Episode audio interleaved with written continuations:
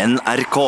Lise Klavenes er jurist, dommerfullmektig, tidligere profesjonell fotballspiller og fotballkommentator, og nå direktør i Norges Fotballforbund. Hun har skåret 62 mål i toppserien og har 9 mål og 73 kamper for det norske landslaget. Som barn lå hun søvnløs og tenkte på meningen med livet. En fotball ble redningen for å få sove. I dag er det hun som skal hjelpe fotballen. Dette er Drivkraft med Vegard Larsen i NRK P2. Lise Klaveness, hjertelig velkommen til Drivkraft. Tusen, tusen takk. Hvordan har du det? Jeg har det ganske bra. Veldig kjekt å være her i dette veldig fine studio. Grønne. Sånn følelse av sånn Mengele Zoo-følelse her inne. Du, det er jo ikke alltid sånn på NRK, så det her har dere modernisert, vil jeg si.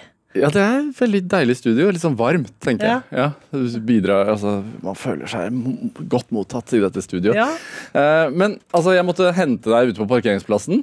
Skulle egentlig vært der eh, en halvtime før tiden, før vi gikk på lufta. Du var her et kvarter før, og da sto du og pratet med en mann. Jeg tenker sånn, I din rolle, eh, med dine meritter, når du har vært så mye kommentator på TV, er det veldig sånn ofte at du møter folk og så bare "Ah, La oss prate litt fotball. ja det, det er det. Eh, og så er jeg jo veldig glad i å snakke med folk sjøl, så det er veldig klassisk eh, og min store dårlige samvittighet i livet at jeg er veldig ofte sein. Eh, og veldig ofte fordi jeg møter eh, hyggelige obstruksjoner på min vei. da. Eh, og, og ofte er jeg like aktiv sjøl, så jeg har liksom ikke noe å skyld- skylde på. Jeg, jeg sliter med å avvise. Så i veldig mange sammenhenger så unngår jeg settingen mer enn at jeg klarer å manøvrere det godt i settingen, hvis du skjønner. Så mm, når jeg er i vanlig godt humør og er meg sjøl og i form og sånn, så syns jo det der er superhyggelig. og klarer alltid å få glidd over fra fotball til noe personlig hvis jeg vil det. Eller jeg syns jo det er veldig interessant, men noen ganger så gjør jo det at man kommer altfor bakpå på tid. Ja. Og blir litt hudløs. Så det der er en greie, altså. Og hvis man er litt interessert, så er det jo et uh, utømmelig emne. Ja, det er det, altså. Det er, det er det som er fantastisk med fotballen, som òg er den fatigue-følelsen. Når, du, når folk syns det står fotball i panen på deg, da. Så, så du kan liksom vinkle det inn Qatar, politikk, du kan snakke om spillere, du kan snakke om likestilling, du kan snakke om penger, for det er et stort, stort marked. Eh, lokalhistorie. Altså, det er ikke grenser for, men det er jo det som gjør at fotball er vits å drive med, spør du meg. Ja, altså, eh, Som jeg sa innledningsvis her, altså du har 62 mål i toppserien, hvis jeg har regnet rett. Du vet hva, det aner ikke jeg. Det hørtes jo lite ut i og med at jeg har spilt i 300 år men, i toppserien. Ja. Men, men eh, ja, det, aner ikke jeg. Ja, Også i hvert fall ni mål på landslaget, eh, tror jeg. Eh, det, det, jeg vet ikke, Statistikken kan lyve, men det var det jeg kom meg fram til. Altså, men er det, er det ett mål fra spillekarrieren din som du husker bedre enn et annet? Ja, det er det. Selv om jeg husker veldig få mål. Jeg husker òg veldig få kamper, og det syns jeg er underlig å tenke på. Men du, du var jo altså øh, Spiss og øh, angripende midtbanespiller, og du var jo en driblefant, og du skårte jo en del mål. Du var jo offensiv. Ja, definitivt. Særlig slutten av karrieren så, så var jeg toppskårer noen år på rad og sånn, og, men de første årene sleit jeg med å skåre mål. og var bare driblefant, på en måte. Så det tok noen år før jeg fant ut hva det handler om, i hvert fall for andre. For for meg var det veldig emosjonelt. Det var ikke så viktig at det ble mål. Men dette målet som du husker best, da? Ja, det var det jeg skulle fram til. Jeg husker, for jeg husker veldig få mål, jeg husker veldig få kamper. Jeg husker bare følelser. Eh, og det gjør jeg generelt i livet. Jeg husker aldri sånn Dette var i 1996, sånn og sånn. Jeg husker bare en emosjon.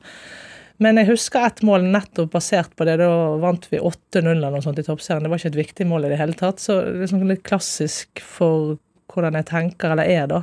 Men grunnen til at jeg husker det målet veldig godt, var at eh, jeg fikk en langpasning bakfra og tok han med på brystet i fart og skøyt på volley eh, uten å miste noe momentum eller fart. Og så tok jeg han på vei ned og fikk en fantastisk dupp. Og det var to ting som gjør at jeg husker, husker det veldig godt. Det var at det er den ene gangen jeg fikk til noe jeg har øvd på i 35 år. Sant? Jeg øvde på dette hele tiden.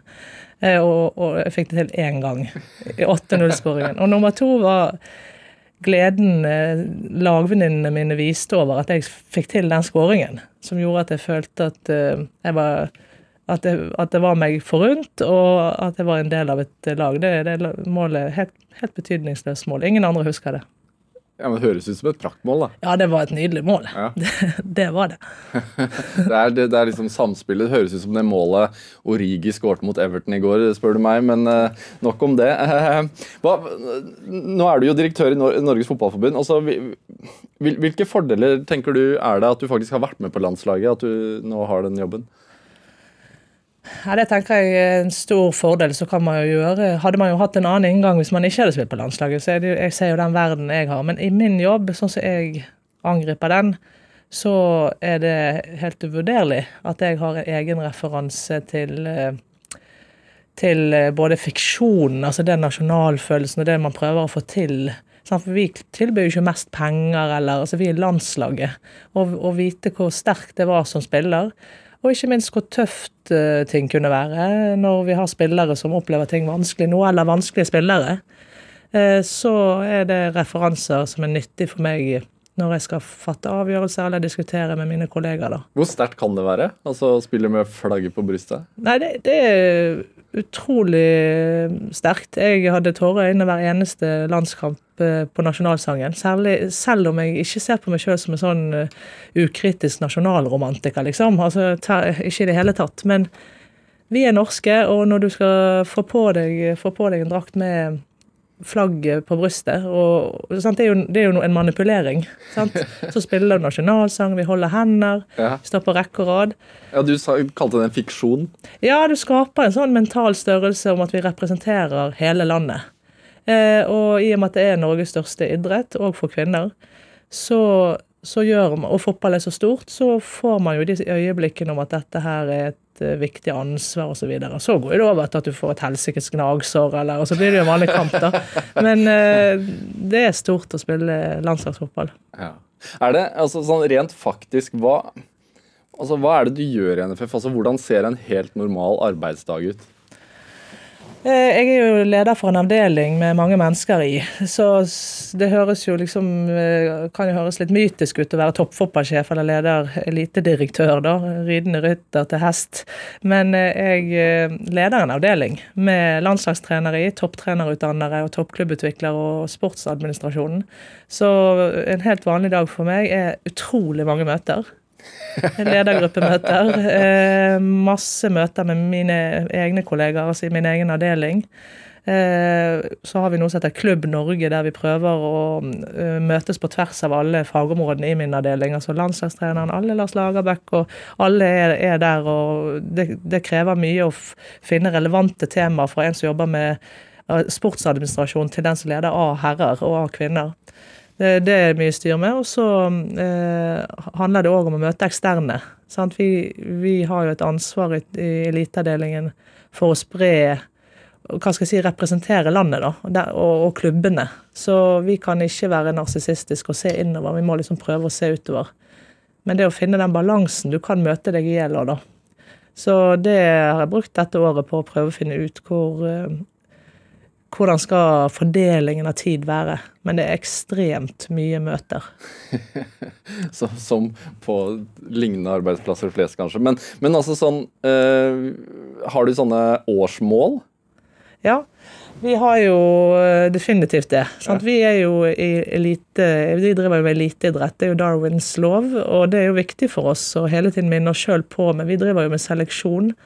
Eh, og det er det vi skal. Altså Det er ikke umoral. liksom Vi skal velge det beste. Så vi gjør ikke jobben vår hvis ikke vi er veldig nøye på å velge de beste, og at ikke vi sjøl er på vårt beste. For vi må òg utsettes for den konkurransen når vi krever det av våre spillere og trenere. Så, og da må vi jo ha mål og evaluere oss sjøl hele tiden. Så det er jo en stressende, det skal være en stressende jobb, og det er det. Samtidig som vi vet at man presterer best når man er trygg. Så den, det spenningsforholdet der er konstant. Holder hele tiden på med det. Hvor, har det vippet for langt i ene eller andre retningen, så må man jo putle på med å få det tilbake igjen. da. Hva var målet for 2019, da? Og Målene for vår virksomhet er jo satt i eh, NFF sin handlingsplan. og Nå skal vi ha en ny fireårsplan. Eh, Men for i år så har vi jo hatt eh, mål om å nå mesterskap, f.eks. Det har vi jo ennå ikke nådd på herresiden. Kvinnene hadde jo medalje. med. Ja. Målet de satte seg, var jo medalje. Eh, Det nådde de jo ikke, men gjorde et fantastisk mesterskap likevel. Så har vi konkrete mål på U20, U21, U19, gutter 17, jenter. Vi har 14. Det er jo lett å glemme. Vi har 14 aldersbestemte landslag. Og, det, og de er veldig operative. Så når folk spør meg hva gjør du i løpet av dagen, så blir det sånn nei, hva gjør man ikke, på en måte, for det er så operativ drift. Ja. Selv om det er jo ikke jeg som gjør noe av dette, men, men de rapporterer jo til meg, sant? og det er, det er noe Å ha lag ute i verden eh, med ungdommer som skal forflytte seg rundt i verden, bare, bare å organisere det er en stor jobb. Men er du med å velge f.eks. trenerne til de forskjellige aldersbestemte landslagene? Ja, Ja. vi ansetter jo de. ja så, så det er din jobb? Ja, og også lands, landslagstrenerne? A-landslagstrenerne de har jo, det er jo et sånt tradisjonelt eh, merkelig område i fotball. De, I Norges Fotballforbund er veldig mange klubber rapporterer jo de til styret formelt, og så i det daglige så vil de jo faglig typisk inngå i fagavdeling hvis man har det. Og det er jo en sånn u, eh, uklarhet som ligger i veldig mange klubber og forbund, som jeg sier, i, i fotballen. Det er helt uforståelig for meg hvorfor det er sånn. Hvorfor man velger å leve i uklare forhold. Men sånn har tradisjonen i fotball vært, og sånn er det òg hos oss. Eh, Men, eh, men forbundet med den ledelsen som sitter nå, ønsker å gjøre dette klarere, for det er unødvendig å ha det så uklart. Så eh, det er vår fagavdeling, altså eliteavdeling, som skal innstille, og styre som tar den endelige beslutningen. Det mener jeg er en god ordning. Det er jo Um det som sier, altså De norske damene eh, kvalifiserte seg til, til mest, har kvalifisert seg til mesterskap. Eh, røket vel i kvarten nå i, i sommer. Eh, herrene Og de, de har jo kvalifisert seg på mesterskap etter mesterskap. De har jo Beste rangeringen på noen år er vel andreplassen i 2013 eh, i EM. Men, men herrene de har ikke kvalifisert seg til et mesterskap siden 2000. Det er jo ennå ikke for sent da, at de kan kvalifisere seg eh, til EM. Eh, Tror du vi klarer det? Ja, jeg har sluttet å tro i grunnen denne jobben, men vi har jo selvfølgelig veldig gode muligheter. Sant? Nå er det jo vinn eller forsvinn mot Serbia i, i mars, sant? så det er jo enkeltkamper som skiller oss fra et mesterskap. Jeg tror vi klarer det. Vi har et veldig godt lag. Det er første gang på lenge Vi, vi har hatt mange gode enkeltkamper, men første gang på lenge jeg syns at laget hva skal jeg si, kvalitetsmessig virkelig har noe i et mesterskap å gjøre. Da. At man faktisk kan oppnå noe fine greier. og Vi så det mot Spania på Ullevål, vi så det mot eh, Sverige på Friends Arena. Det har vært noen veldig gode kamper. og Så har jo ikke resultatene og Det er jo det vi lever av, så vi har jo ingen grunn til å slå oss på brystet. Men hvis man ser fotballfaglig på det laget har prestert i år, så har det vært eh, mye bra. Ergo så blir man jo òg ekstra deppa av at ikke vi klarte å kvalifisere oss. For har, nå har vi liksom noe der å, Det er ikke for seint. Nei, men det var det som skjedde gjennom året. At ja, vi ble glad for gode prestasjoner, men det ble jo liksom nesten mer nedstemt av at resultatene ikke gikk inn. Men eh, vi har jo stor tro på disse playoff-kampene. Jeg mener vi har veldig gode muligheter. Vi får to hjemmekamper, det betyr mye. Og vi har et godt lag og et veldig godt trenerteam. Hvis, hvis vi klarer å kvalifisere oss, altså hvis du skal være helt ærlig, hvilke sjanser har vi for å vinne? Nei, det, altså som du sier, vi har jo ikke kvalifisert oss til mesterskap på, på 20 år, så de sjansene er jo forsvinnende små. Det er jo ikke verdt å Altså, fotball er jo fantastisk ved at underdogs kan vinne any given day. Sant? Det er jo det som skiller det fra basketball og ja, for så vidt håndball, og det er jo det som gjør at interessen lever sånn. sant? Men Når var sist? Altså Danmark vant uh... ja, du har jo Hellas, og du har jo, du har jo hatt noen sånne, men, men stort sett det du er Champions League òg. De beste vinner over tid. Så det er ikke noe tema for oss, selvfølgelig. Men, men jeg tror man kunne vist opp ganske fin fotball, da. Eh, Norge spiller ganske fin og balansert fotball i disse dager. Men hvordan eh, Hvilke tiltak er det du gjør i din jobb da, for at kvaliteten skal, skal opp igjen? Altså, det er jo det alt, alt vi driver med hele tiden. Eh, målet i eliteavdelingen er jo nettopp å på en måte prøve å få ting til å gå opp i en litt høyere enhet. Sant? Altså, vi har jo mange lag, eh, men å prøve å få disse lagene, trenerne, til å veksle godt med hverandre, til å ha system, en klar rød tråd, sånn at man øver på det, noe som ligner på noe, når du går fra 15 til 16, 16 til 17 osv. Ha systemer for når du skal flytte opp spillere. Eh, og alle disse systemene og alt det vi putler og kaver med, er jo for å varig prøve å øke kvaliteten på læringen.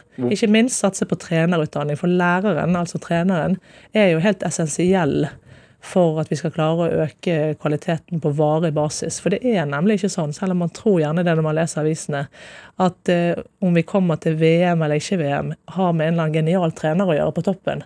Klart utrolig viktig jobb. Det en veldig presset jobb. Du må være tøff og robust og fleksibel. og ja, det, det, er en spennende jobb, men det er et, et enda av en veldig lang kjede.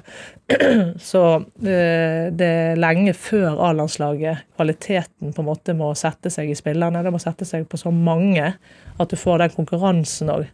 For fotball er jo sånn at eh, det er når du eh, Det er i refleksene ting skal sitte. sant? Alle kan jo tenke seg til god fotball, men du må liksom spille på et høyt nivå for å klare å tilegne deg de ferdigheter som trengs på et høyt nivå.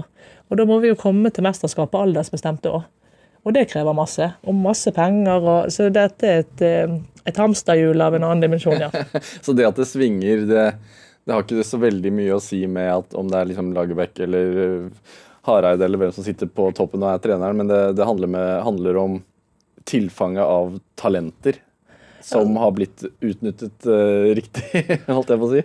Ja, som med andre ting. sant? Altså, du har, har, du gode lærere i, i, barneskolen og videre i livet, og, ja. og du har et talent, så, så, er det jo veldig sjelden at det er den sjefen du møter når du er på ditt prime, som virkelig fikk deg til å være avgjørende. Da. Men i enkeltkamp så er jo selvfølgelig trenerens innsats eh, avgjørende på toppnivå. Det er jo det de er ansatt for òg. Finne marginer og være rå og tøffe nok og romslige nok. Så det er en veldig viktig jobb. En, en god trener kan gjøre mye, og en dårlig trener kan gjøre mye skade.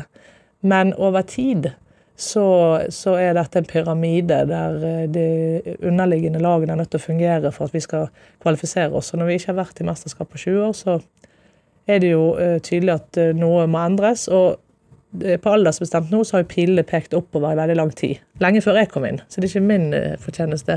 Vi var most rapid climber i Europa i fjor på guttesiden. Ved at vårt gutta 19-lag var i EM to år på rad, og det var veldig mange år siden vi hadde vært sist. Så det er en del tegn i tiden på at ting er i bedring. Særlig pga.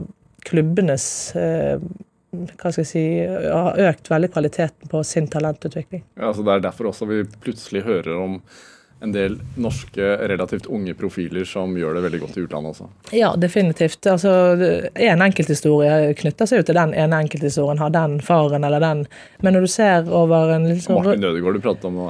ja, for eksempel. Men når du ser over en rund baut at nå kommer det bedre talenter, og de presterer bedre. Vi kommer til Gutta 20-VM, som vi var i sommer, har ikke vært der siden 1989. Eh, og så samtidig som det skjer det ene og det andre, så er det jo en tendens. Sant? Og da er det mange ting som har samvirket, og da er det et eh, typisk tegn på at klubbene, som jo har det i 90 av tiden, gjør mye riktig og bra, og forhåpentligvis gjør òg da forbundet det. Dette er Drivkraft med Vegard Larsen i NRK P2. Og i dag så er uh direktør i Norges Fotballforbund, Lise Klaveness her hos meg. Vi hadde bare en liten uh, utfordring med et hode, uh, headset her i studio. Nå, nå, nå, er det, nå, er det, på plass. Beklager at det er så stort hode. Uh, du, jeg må jo spørre, altså, fordi neste, skal, neste mesterskap for herrer er VM i 2022. Det er i Qatar. og jeg ser på meg selv som rimelig fotballinteressert. Jeg har vært på Anfield, altså i Liverpool, og sett de spille fotball ti ganger. Jeg ser de kampene jeg kan se på TV. Eh, samtidig så merker jeg at jeg gjør det mer og mer med en bismak. Eh, fordi stadig vekk blir korrupsjon avdekka, det er helt sånn enorme pengesummer som eh, rår. Altså spillere, i hvert fall de mannlige spillerne, kjøpes for milliardsummer. Eh, det er agenter involvert, det er liksom eiere med eh, businesser som kan være lyssky. Altså, det, det, er så liksom, Maktforholdene er blitt så tydelige også i fotballen. Eh, og, og, det gjør at jeg som fotballsupporter ivrig fotballsupporter tenker at liksom, sporten er utviklet seg sånn at den ikke føles så ren som at jeg vil den skal være. Eh, hva, hva tenker du når jeg sier det her? jeg er jo enig. Det er jo men det er jo et, fotball består av dilemmaer, og hvis man tenker at man skal løse dilemmaer i fotball, så har, kan man ikke være der. på en måte. Det, det, for fotball er så populært, er så stort på verdensbasis, er den live-idretten folk vil se. Ergo blir det òg kommersielt. I en kapitalistisk verden blir det kommersielt, for det er så mye folk som er interessert, det er så mye data du kan få fatt i. Eh, Du går jo tilbake til Liverpool, sant? Så, så, Jeg klarer ikke å la være. Dessverre. Jeg skulle Så- gjerne gjort det. kapitalen er så stor at eh, så, eh, Men jeg f- fortvilet over det samme, fordi man mener jo at det er et, en vakker sport som er et språk alle kan snakke klasseløst, kjønnsløst. Sant? Selv om vi tenker ofte på det som et problem at det er så stor forskjell mellom menn og kvinner i fotballen. Ja, det er verdens største kvinneidrett. Det er mye større enn ski, håndball og Det er jo en suksesshistorie. Eh, Men relativt sett er han jo diskriminert, på en måte. Men, men i forhold til alle andre idretter så er jo kårene veldig gode. Uh, og det, var- det, jeg har jo ikke hatt noe ulykkelig liv i fotball. Det har vært fantastisk. Så det, det er så samlingspunkt for så mange ting og forhold og klasser. og men så kommer det der inn, uh, og det vil jo tiltrekke seg både kriminalitet og kynisme og uh, ting som man ikke kan se seg i speilet med å være med på, da. Så for egen del så betyr dette mye i den forstand at man må Eller jeg mener jeg må tenke nøye gjennom hva er det vi bidrar til, hvordan skal vi selvfølgelig prøve å endre, og, og være en god aktør i dette markedet, da. Er det i det hele tatt mulig å rydde opp i det, tror du? Ja, det, som, som, hvis jeg stiller deg spørsmålet, og du, er, du tar på deg juristhatten Ja, ja, altså eh, Det handler jo om eh, jeg, tror, jeg tror det er veldig krevende, fordi det er verdensomspennende og globalt og ulike kulturer, og hvem er, hvem er Gud? Hvem vet hva Altså Det er òg ulikt syn på hva som er korrupsjon. Eh, Men hvis man klarte å bli tilstrekkelig enige om et eh, verdigrunnlag f.eks. For, for tildeling av eh, mesterskap, så er det selvfølgelig mulig å klare den tildelingen uten korrupsjon, og med regler som håndheves strengt med HMS-krav f.eks. Og sånn sett så har vel kanskje Qatar-saken bidratt til noe positivt fremover. I hvert fall syns jeg det virker som man med mye større alvor har tenkt til å ikke la en sånn skandale skje igjen. Ja, ikke sant? Fordi det er Du omtaler det som en skandale. Det er klart den tildelingen eh, er, er en skandale, både måten det skjedde på, og det er jo et land uten fotballtradisjoner, og tydelig Dette har man gjort pga. penger. og eh, Mesterskapet skal avholdes på vinterstid, noe som også ja, og det dør mennesker eh, pga. Eh, arbeidsforholdene en masse. Så det er jo krevende. Veldig krevende å skulle på en måte ha en fotballfest på, på arena der mennesker har dødd i, i hopetall. Ja, ikke sant. Er det en Det blir jo nesten Jeg tenker jo sånn, så for min egen del. Jeg, jeg tenker jo på forhånd før Qatar-VM at jeg, det, det skal jeg ikke se på. Uh, men jeg veit jeg kommer til å få vanskelig med å la være. Men, men uh, Og, jeg, jeg tenker jo at det er liksom en følelse veldig mange sitter med. Er det Har, har du det litt sånn selv? Selv i den posisjonen du har? Ja, altså jeg eh, Før jeg fikk den jobben, så uttalte jo jeg at jeg kommer ikke til å reise til Qatar, og jeg vil ikke bidra til det mesterskapet verken som tilskuer eller som fotballekspert, eller tjene penger på det mesterskapet. måte. Altså, og grunnen til at jeg sa det, var jo for å prøve å sette i gang en debatt som ikke var, alltid handlet om å peke på noen andre, da. Peke på Norges Fotballforbund eller peke på ja, men hva med alle andre konsumenter? Vi må jo i så fall gjøre dette sammen. Eh, og det står jeg for eh, ennå, så jeg kommer ikke til å dra til Qatar. Og jeg ble ansatt på det eh, vilkåret. Ja, du At- sa det da du ble ansatt. Ja. Ja. Og det var greit for styret. Det er mitt personlige standpunkt. Jeg styrer jo ikke politikken i Norges Fotballforbund. Det er styret som gjør. Og styret har vært veldig eksplisitt på at de er imot denne tildelingen, og at de mener det var feil. Eh, og at presidenten i Norges Fotballforbund, Terje Svendsen, har vært i Qatar og helt genuin i å prøve å på en måte bruke dette til noe, å gjøre gode endringer. Men jeg er imot boikott, tror ikke det fungerer som virkemiddel, og det har jeg eh, full respekt for. Men jeg eh, har eh, jeg ble ansatt på det vilkåret at jeg fikk følge min egen personlige overbevisning her, så for egen del så, så blir jeg hjemme. Hvorfor var det så viktig for deg? da? Eh, Det, det handler ikke om noe boikott, eh, fordi jeg tror ikke at jeg alene klarer å endre noe med å sitte hjemme og sture, liksom. Eller sitte igjen med sånn ren moral og føle meg bra. så Det er ikke der i det hele tatt. Men det var mer eh, en sånn mantra jeg hadde om å kjenne på mine egne grenser. Ja. Du vet jo at du ikke hadde gått inn hvis de skjøt noen idet du gikk inn, liksom. Og så kan jo du ha den skalaen glidende nedover til en eller annen grense. Og, og dette er over min grense for hva jeg har lyst til å Hva jeg vil trives med å være med på. Eh, rett og slett. Så det var det jeg følte for å si fra om, og med det håpe å skape en debatt om ikke bare politisk virkemiddel, boikott, ikke boikott, men hva, hva er våre grenser? Hvis vi klarer å kvalifisere oss til VM-et, da, altså, og enkeltspillere som spiller på, på herrelandslaget, sier at jeg vil være med å kvalifisere meg, men jeg vil ikke være med dit. Vil man respektere det da, tror du? Ja, Det må man jo respektere. Ja. Definitivt. Ja. Er det, altså, sånn, du sier at du er imot en boikott, men hvis f.eks. Nei, jeg sier ikke det. Jeg sier at Norges Fotballforbund ja. eh, eh, mener at boikott er et uriktig virkemiddel. Jeg har jo tvert imot sagt at jeg personlig boikotter mesterskapet. Men, men tenker du at ehm, at eh, hvis er liksom en stor fotballnasjon som f.eks. Tyskland eller England hadde sagt at vi vil ikke, tror du det hadde gitt kunne gitt positive ringvirkninger? Altså, eller eh, tenker du at de, de ringvirkningene allerede er i ferd med å skje, siden det har fått skapt så mye debatt? Eh, Jeg har ikke svaret på disse tingene. Nei. Det er så utrolig vanskelig. Ja. Men jeg har tenkt, og jeg tenker at eh, man kan gjøre endringer hvis det viktige aktører går sammen og sier tydelig fra. Og, at ikke det da handler så mye om boikott virker eller ikke virker. Det, det handler om å gi som konsument eller viktig aktør eller si fra om at dette ikke er greit. da. Så ja, jeg tror at man kunne gjort store endringer hvis de største landene hadde gått sammen, kanskje enda litt tidligere, men eh, hva vet jeg om tidspunktet her, og, og sagt at dette blir vi ikke med på. For da- blir eh, Fifa sjakkmatt, da.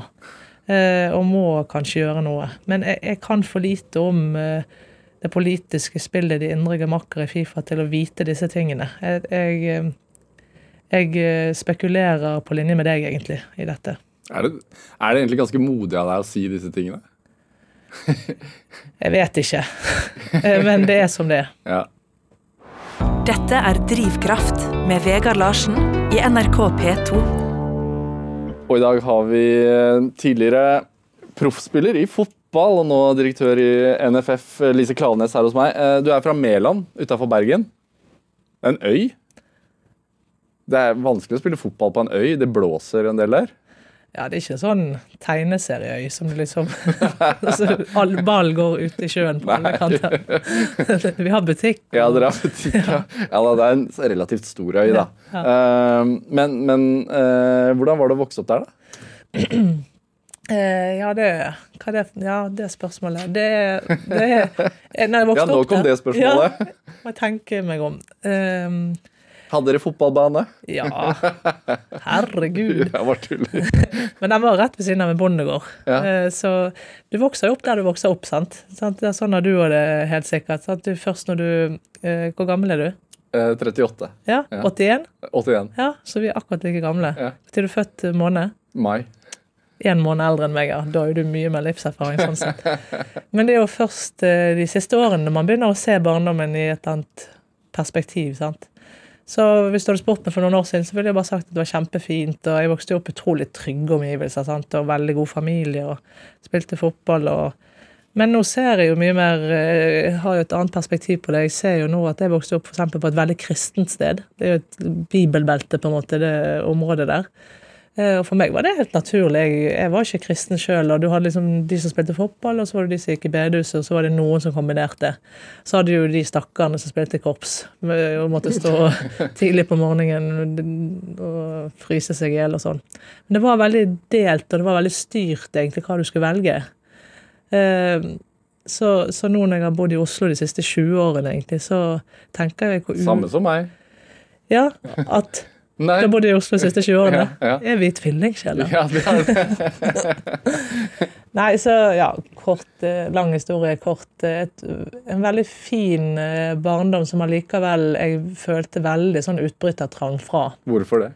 Nei, det er jo det jeg nå Altså, den kristne eh, omrisset og den litt sånn strilske Hva skal jeg si eh, Ja, rammen rundt alt jeg Striler er jo ganske stille seg. Sant? Du skal, hvis du spør hvordan de har det, så bra.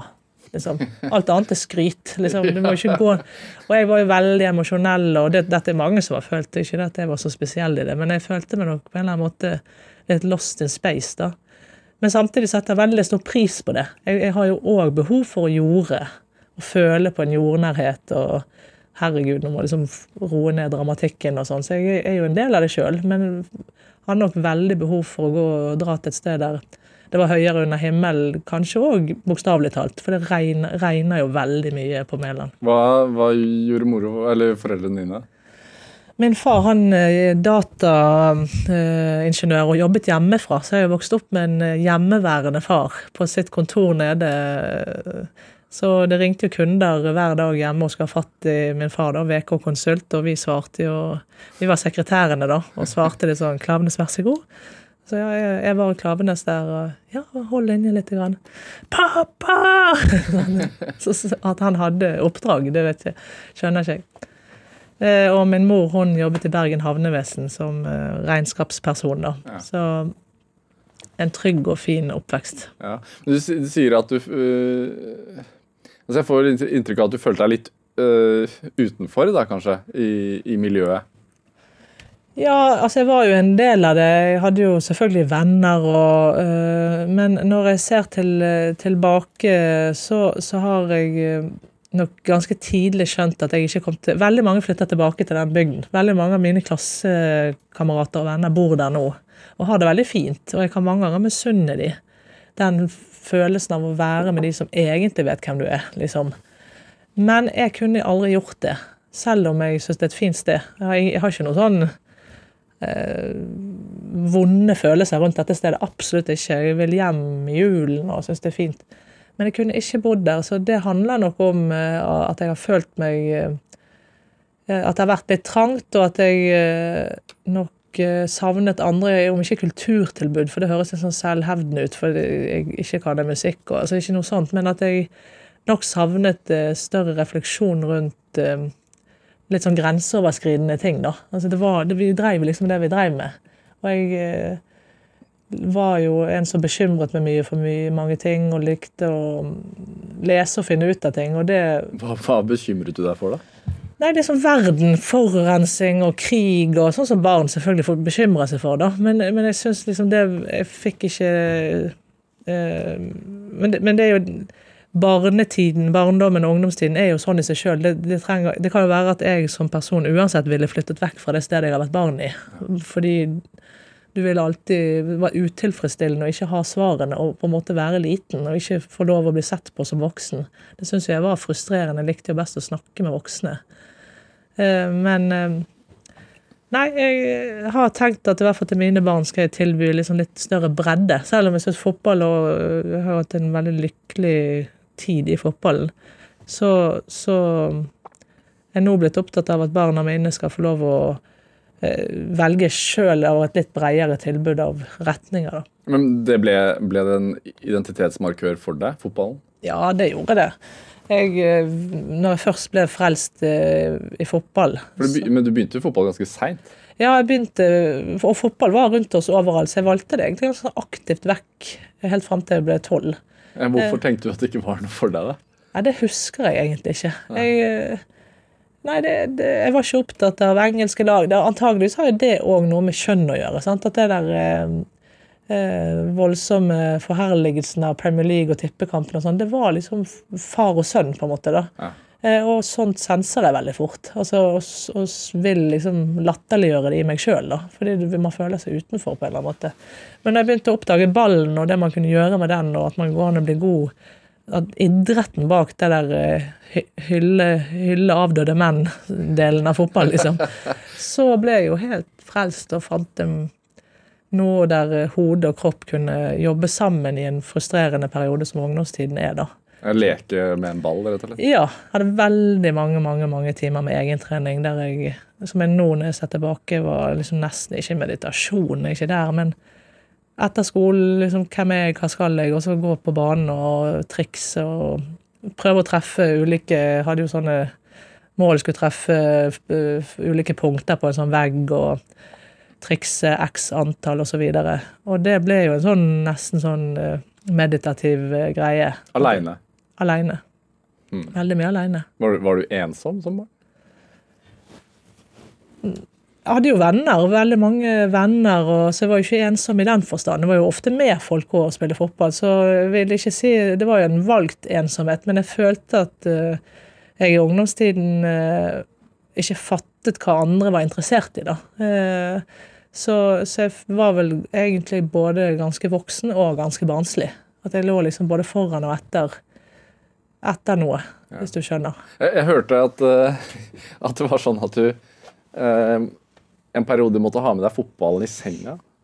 Jeg hadde med meg ball i sengen uh, hver eneste natt i mange år. I en spesiell ball? Ja, en spesiell select oransje ball som stinket. Det er bra med oransje ball i regnet. Ja, de blir helt, og de lukter så surt. Og, men, eh, og da var jo jeg ganske stor, så det sier jo i grunnen eh, det meste, da. Eh, om Jeg syns det der er veldig rart sjøl, men det var det forholdet jeg hadde til fotball. Det var en sånn noe som jeg så for meg som noe nesten litt indiansk. eller jeg, jeg, var, jeg, følte at denne ballen skulle jeg beherske alt med.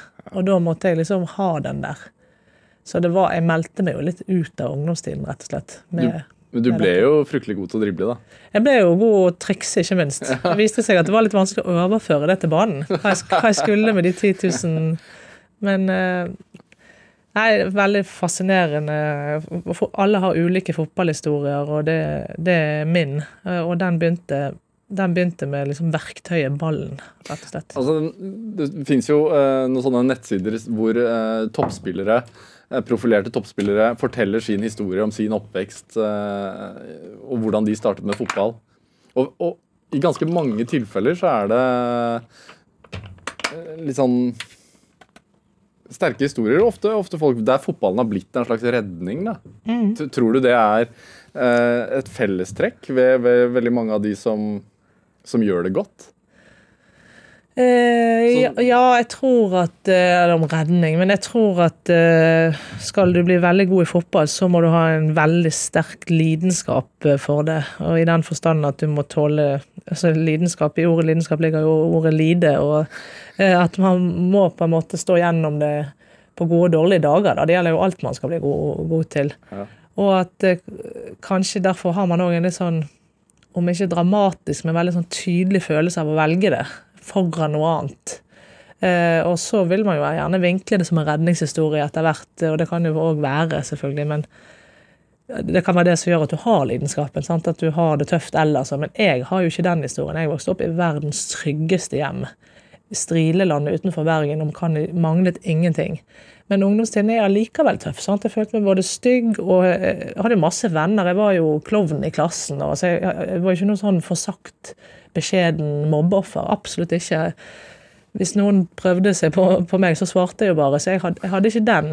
Men jo, ungdomstiden er krevende, og jeg var ensom i hvem jeg skulle være i det. da.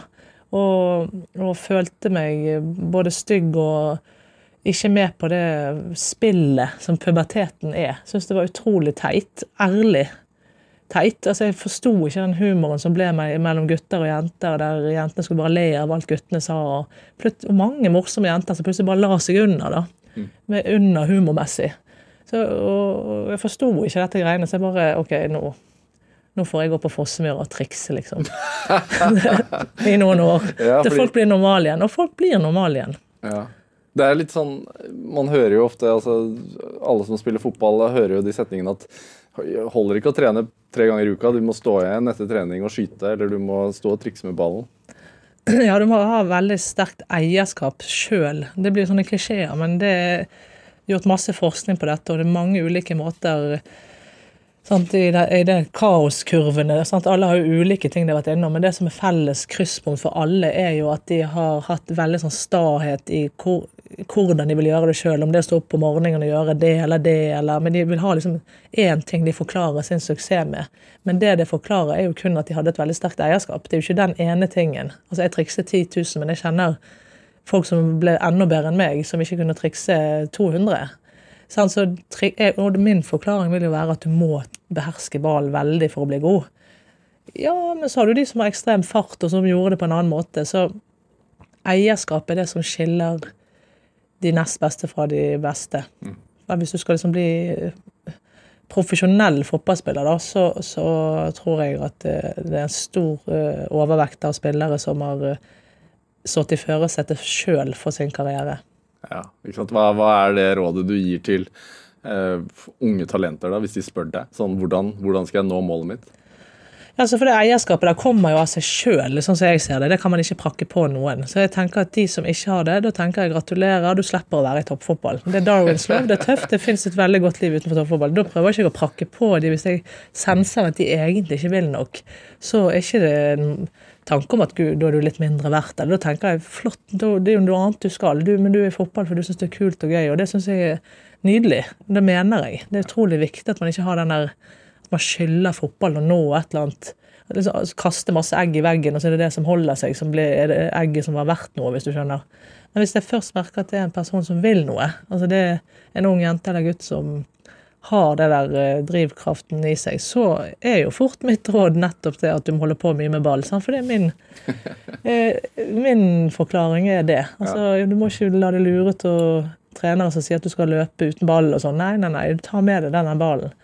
Eh, og så er det å, å klare å eie følelser og stå gjennom det som er vanskelig. det, det er det du lærer av. da. Altså at uh, Folk sier at det skal være gøy. Ja, det er gøy, men det er, du kommer til å føle deg dum og drite deg ut veldig ofte. Og det er på en måte de som blir gode, er de som tør å allikevel skyte med venstre, selv om du sparket den vekk med høyrefoten før du skal skyte og falt. liksom. Altså, da, men du skal jo bli god å skyte med venstre. Da må du gjøre det i aksjon. Ja. Og, og tørre å se dum ut. Så gjerne de to tingene. da. Bruke ball og, og tørre å ha det vondt i det, eller drite seg litt grann ut. da. Ja. Er det no Jeg bare tenker den derre oransje Select-ballen som du sov med eh, i ungdomstiden. Har du den ennå? Nei, den eh, er kassert eh, for veldig mange år siden. Men jeg husker den veldig godt. Jeg skrev jo masse på den. Og, så det var en viktig gjenstand i mitt liv. Jeg ser på deg, du ser nesten trist ut. Ja, jeg, jeg- Mest fordi jeg føler jeg hørte, høres ut som en litt sånn sørgelig ungdom. Men det var en fantastisk tid. Jeg husker jeg eh, ble jo på den, I løpet av de veldig få årene gikk jeg fra å være veldig dårlig fotballspiller til å bli en veldig god. og Jeg husker da jeg først ble tatt ut på kretslaget. og Jeg satt på skole og ante fred og ingen fare. og Plutselig ser jeg min far komme med Mitsubishi, en sånn der stor varevogn som vi hadde, for vi hadde St. Bernhardshund, som var så stor at du aner det ikke. Altså Jeg ser bilder av St. Bernhardshund og fatter ikke at vi kunne ha en sånn hund. Og jeg så bare den ut av vinduet, vi hadde mattetime. Pappa kom liksom sideveis med den Mitsubishien og løp inn i timen med sånn brev han viftet med. Og han var pappa en beskjeden mann. Han har aldri vært på skolen før. liksom Aldri snakket med en trener jeg har hatt. Det er Han er ikke den type far. Men det var så stort både for han og meg da, at han måtte brase inn i denne mattetimen og fortelle at jeg var tatt ut på kretslaget. Så, så det var jo òg en eh, veldig sånn meg og pappa-tid, og, og ting ble liksom aldri større. Det er jo det som er det både triste og fine i livet, at selv om du kan vinne både NM og eh, ta medaljer i EM, og, så blir det liksom egentlig, egentlig ikke så mye større enn den gangen. da. Nei, men jeg tenker sånn Første gang du sto der med flagget på brystet, så må du jo ha tenkt litt tilbake på den reisen, da. Nettopp. Og det, og da får du, det er det som er også med det som virkelig gjør at fotball betyr noe mer enn ditt eget prosjekt, det er jo de menneskene du føler du har delt det med underveis. Det begynte med pappa, og så har det blitt utrolig mange. Så man liksom pga. noen pasninger og noen seire man på en måte er egentlig elsker resten av livet, selv om man ikke er med dem noe mer. Ja. For man har liksom brutt brød med dem på en eller annen måte. Da. Det blir en sånn Du får til en sånn eh, lag, Lagspill er, kan være helt for jævlig når det går i oppløsning, men kan òg være veldig sterkt. Og også til oss som ser på, da. Altså, man føler jo en Man føler jo at man har delt noen følelser. Både oppturer og nedturer. Med publikum òg, ja. Sant? Så det Ja, det har den, eh, det, det, det formatet, da. Dette er Drivkraft med Vegard Larsen i NRK P2. Og i dag så har vi direktør, for, eh, direktør i NFF og jurist Lise Klaveness her hos meg. Eh, Jeg, tenker på, på eh, norske kvinnelandslaget. som jo har gjort det veldig mye bedre enn gutta i alle år, holdt jeg på å si. I veldig mange år. Men slitt litt med sånn publikumsoppmøte og skriverier i, i medier og liksom publikums interesse. Da. Men, men jeg føler at eh, i hvert fall under VM i sommer så merket jeg en sånn stor endring på det. Eh, Folk pratet om det. folk eh, slo seg ned foran TV-en. Det var liksom en snakkis. Er det Har man jobbet for den interessen, eller har det liksom bare kommet gradvis pga. Uh, at fotball, kvinnefotballen har vært der lenger? Hva tenker du? Man har jo definitivt jobbet for den interessen. Jeg bare tenker på alle de eh, utrolig både furete og tøffe og stae og mennesker med stamina som har holdt på når ikke interessen har vært der, da. Ja. For å tilrettelegge for, eh, for døtre nå, da, mens andre ikke har gjort det. Eh, Og ikke sett på en måte hva det betyr å, å diskriminere i skolegården da, veldig så tidlig. For fotball er overalt. Så hvis du liksom sier til små barn at du er mindre verdt hele veien, så gjør det noe. Så de menneskene, og det er jo like mange menn som kvinner det, kanskje til og med litt flere menn enn kvinner, som har vært med å lage den suksesshistorien norsk kvinnefotball er. Eh, For det er det virkelig.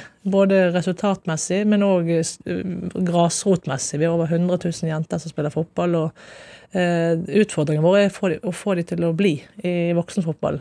Men, men som folkebevegelse så er det en veldig stor suksesshistorie. Så det er absolutt jobbet for. Og det jeg prøver jeg veldig bevisst på å huske på. For når ting løsner litt, så begynner man å forklare det i noe som er nært i tid. sant? Gjerne rundt din egen posisjon.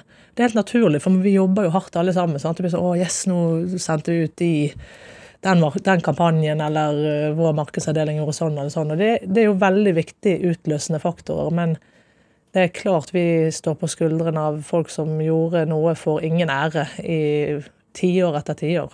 Skulle du ønske at du var på topp spillemessig nå, når du ser liksom interessen og Ikke først og fremst pga. interessen. Svaret er ja. Eh, og ikke først og fremst pga. interessen, men pga. fotballen som spilles. For når jeg eh, slo gjennom på landslaget, så var vi fortsatt Vi kom jo etter Drillo. Så vi var i den etterdønningstiden der der eh, risiko Vi skulle spille på lav risiko. Og det skulle gå veldig fort framover. Og det var også mange mistolkninger av Drillo-fotball, hvis vi kan si det sånn, da, som ikke kledde meg i det hele tatt. Så jeg ser nå Selv om Drillo og du sånn spillerstilmessig kanskje var litt like. Men, Ja, på banen, ja. Og, jeg, og jeg, jeg mener jo at han gjorde noe helt uh, briljant for toppfotball i Norge, men de avleiringene som kom i talentutviklingen etterpå med risikoaversjon osv., det, det mener jeg har satt oss noen år tilbake, da, eh, i talentutviklingen. Når jeg ser nå eh, hvordan eh, norske lag eh, spiller med aktiv bruk av mellomrom og innoverkanter som prøver å være kreative og overlapp osv., så, videre, så får jeg jo helt sånn Ja, det er urettferdig! Det vil jeg òg. Men det er veldig gøy, da. og det har blitt morsommere å se på, selvfølgelig.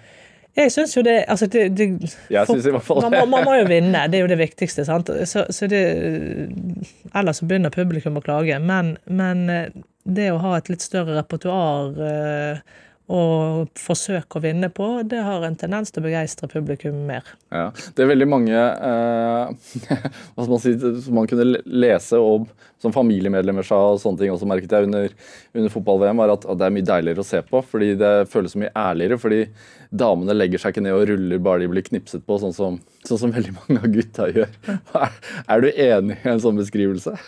Ja, den er jo riktig, men det har jo selvfølgelig også med penger å gjøre. sant? Altså, det, jeg tror jo det er nærliggende å tenke at eh, jenter vil etter hvert gå i samme retning, hvis det på en måte Sånn som nå, hvis vi kommer til herre-EM, så får Norges Fotballforbund, jeg husker ikke eksakte tallet, men kan si 80 millioner eller 100 millioner rett inn på eh, som, som utbetaling. sant? Altså Det er store penger involvert bare ved å komme til et mesterskap, og så er det jo alle ringvirkninger knyttet til det. Og på kvinnesiden så har jo har jo kapitalen vært mindre, så mye, mye mindre, men òg knyttet til litt sånn lengre prosesser. Så det har jo ikke vært så stor forskjell på straffe eller ikke straffe, annet enn selvfølgelig emosjonelt. Og hvis det straffe eller ikke straffe er verdt eh, 10, 20, 30, 50 en milliard kroner, så begynner det kanskje å bli litt Da gjør man alt for å få det. Ja, da, kom, da kan det være at det begynner å bli andre mekanismer som Andre kulturer som spiller inn, da. Ja, altså Jeg tror ikke at jenter er bedre mennesker enn gutter, liksom, eh, og derfor ruller mindre. Men det er riktig, vi er det er en noe mer effektiv spillestid i toppfotballkampene på kvinnesiden fordi man ikke bruker tid på det. Ja, og så er det vel noen sånne bonuser involvert også. sånn Skaffer du straffe, så kan du få en bonus. Eh, Skårer du på straffe, får du enda høyere bonus. Altså, Ja, det er et, eh, det er jo en bransje som er lagt opp til eh, high risk, high reward, liksom. Ja. Og, og da, da blir jo de gangene du bommer der, seende veldig dumme ut, da. Og så blir jo det dårlig kan det bli en dårlig kultur av det, sånn som vi så eh, i forrige herremesterskap, der det ble mye rulling. hadde du noen sånne eh, klausuler i din kontrakt? Hadde du sånn Nei. Nei, du hadde ikke det? Jeg prøvde å få inn en gang eh, i, kontrakten at jeg skulle spille offensiv midtbane og ikke bli flyttet ut på kant. Ja. Jeg var så lei av å bli flyttet rundt på banen, men eh, jeg hadde heldigvis en fornuftig trener som sa at jeg kan ikke binde meg rettslig til hvor du skal spille. Hvis laget trenger det på kant, så jeg er for så vidt enig i det. du, tok, du tok den, svelget den kamelen. Ja. Eh, men jeg, jeg tenke, tenker, du er jo eh, utdannet jurist og advokat og dommerfullmektig. Eh, og så vidt jeg forsto, det, så var du liksom på vei nesten inn i en dommerjobb uh, idet du takket ja til NFF. Jeg ville i hvert fall det. Jeg hadde søkt på stilling i Borgarting lagmannsrett eh, når jeg fikk dette tilbudet. Eh, Men det å få jobb i Borgarting er veldig krevende, da. Ja. Men eh, det var den stien jeg hadde ønsket å gå på. Eh, For jeg syns det å være dommerfullmektig i Oslo tingrett, det var det i to, to, litt over to år, og det var en veldig spennende jobb. eh, Som jeg fant meg veldig godt til rette i, da. Og som jeg da bestemte meg for å prøve å oppsøke litt seinere i karrieren. Ja. Så du har satt det litt på pause? Ja, og nå når jeg fikk den, eh, det tilbudet fra Norges Fotballforbund, så ble jo det naturlig satt på pause. Men jeg tenker fortsatt at det er en av de aller beste jobbene man kan ha. Og både ved at vi, i, og med at vi har generalistdomstoler i Norge, så jobber man så bredt i domstolen. Så det er så mange. Det er liksom fra en sak om oljerigg til til grov vold eller eh, barnefordeling altså, og, i løpet av en uke, liksom. Eller, sant? Så det, og det tilfredsstiller noe vitebegjærlig i meg sjøl. At, at du kan eh, bevege deg over så store flater av faktum da, og ha gode folk som forklarer det for deg. For partene vil jo at dommer skal forstå.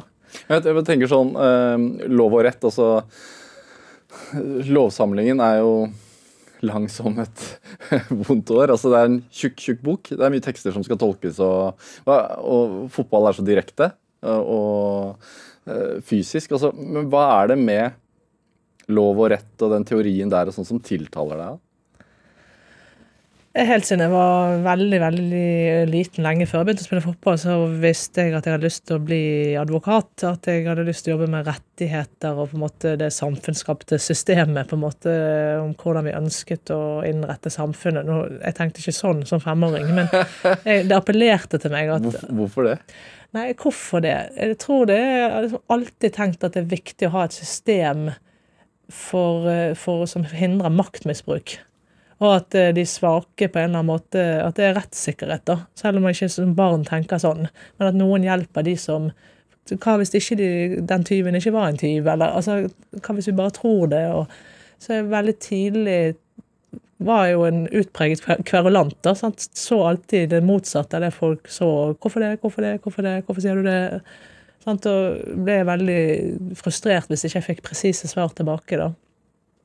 Så det å både uttrykke rettighetene mine og de jeg eventuelt skulle representere, og forstå hva er det vi har rett til, hva er, hva er, det, hva er dette samfunnet, få innsikt i det, det har alltid interessert meg.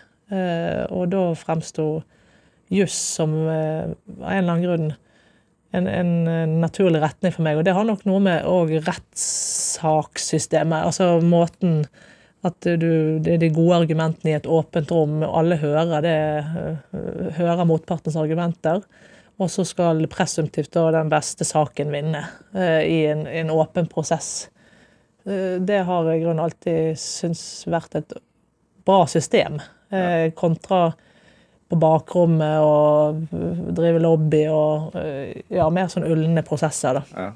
Du, du, siden du er like gammel som meg, da, så veit jeg jo at du vokste jo opp med sånn LA Law. Ja, ja, ja. Elsket jo LLO. Sant? Det, var, det var jo det er jo egentlig svaret. Alt det andre er jo bare bullshit. Det var jo bare fordi jeg så på LLO og, og ville bli, bli som de. Ja, men, men tenker du at du skal tilbake til det? en gang? Ja, det ligger litt i identiteten min. Jeg tenker òg at jeg er elitedirektør, direktør, jurist. At jeg er jurist på jobb. Jeg, tenk, jeg, tenker at jeg bruker den metoden. Jeg tenker at jeg jobber som jeg jobber. At jeg prøver å tenke kontradiksjon, som vi sier. Alle må få, Hvis vi skal fatte en avgjørelse, så høre fra den som eh, avgjørelsen går imot. på en måte. Ja. Og selvfølgelig litt lettere prosesser enn du ville gjort i i domstolssystemet, men jeg tenker at det er god metodikk for å fatte avgjørelser i en eller annen litt lettere variant. da.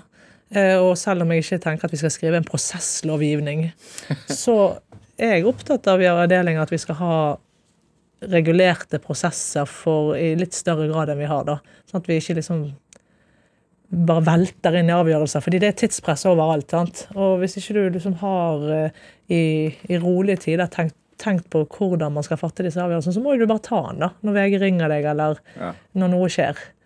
Eh, et lager røker ut, eller et han skal Så må du bare Da må jo magefølelsen styre, og den er jo veldig begrenset og preget av press. Hva, hva tenker du er liksom drivkraften din?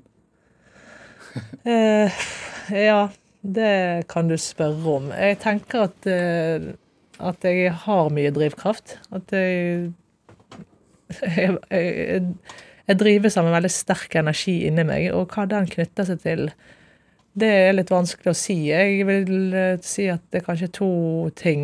Det ene er sånn litt vitebegjær. da, at jeg jeg, er ikke den som setter meg ned og leser i timevis om tungtvannprosjektet, liksom. Eh, eller sånn fetisj for andre verdenskrig. Men jeg har vitebegjær for prosesser og innsikt i hvorfor ting skjer. Og det har jeg alltid villet forstå, og det tror jeg driver meg veldig nå òg. Hvordan kan dette bli bra, liksom? Hvordan kan dette bli bedre, mer eh, om det er etisk eller kvalitetsmessig, eller De står i vanskelige prosesser over tid. Det gir meg noen mestringsfølelse. Og utrolig frustrasjon. Men det er nok en drivkraft i seg sjøl å få det til sammen med noen. Ja. Og nummer to er energien jeg får hos folk. Møte møte sånn som deg nå, da, når du ler og vi har en eller annen tone, eller, og jobber med utrolig flinke kolleger og vi får til ting sammen, så er det liksom nesten ikke så nøye hva det er. Bare vi liksom kjenner at det går framover. Så, så øh, Men det er nok det aller, aller viktigste for, for meg, er å, å, kunne oppsummere det med at det var et At det gikk i pluss øh, for verden. Altså at ikke, i hvert fall ikke ødelegger mer enn jeg eh, gjør godt, på et eller annet vis. Lise Klaveness, tusen takk for at du kom hit til Drivkraft. Dette var Drivkraft, det er Vegard Larsen.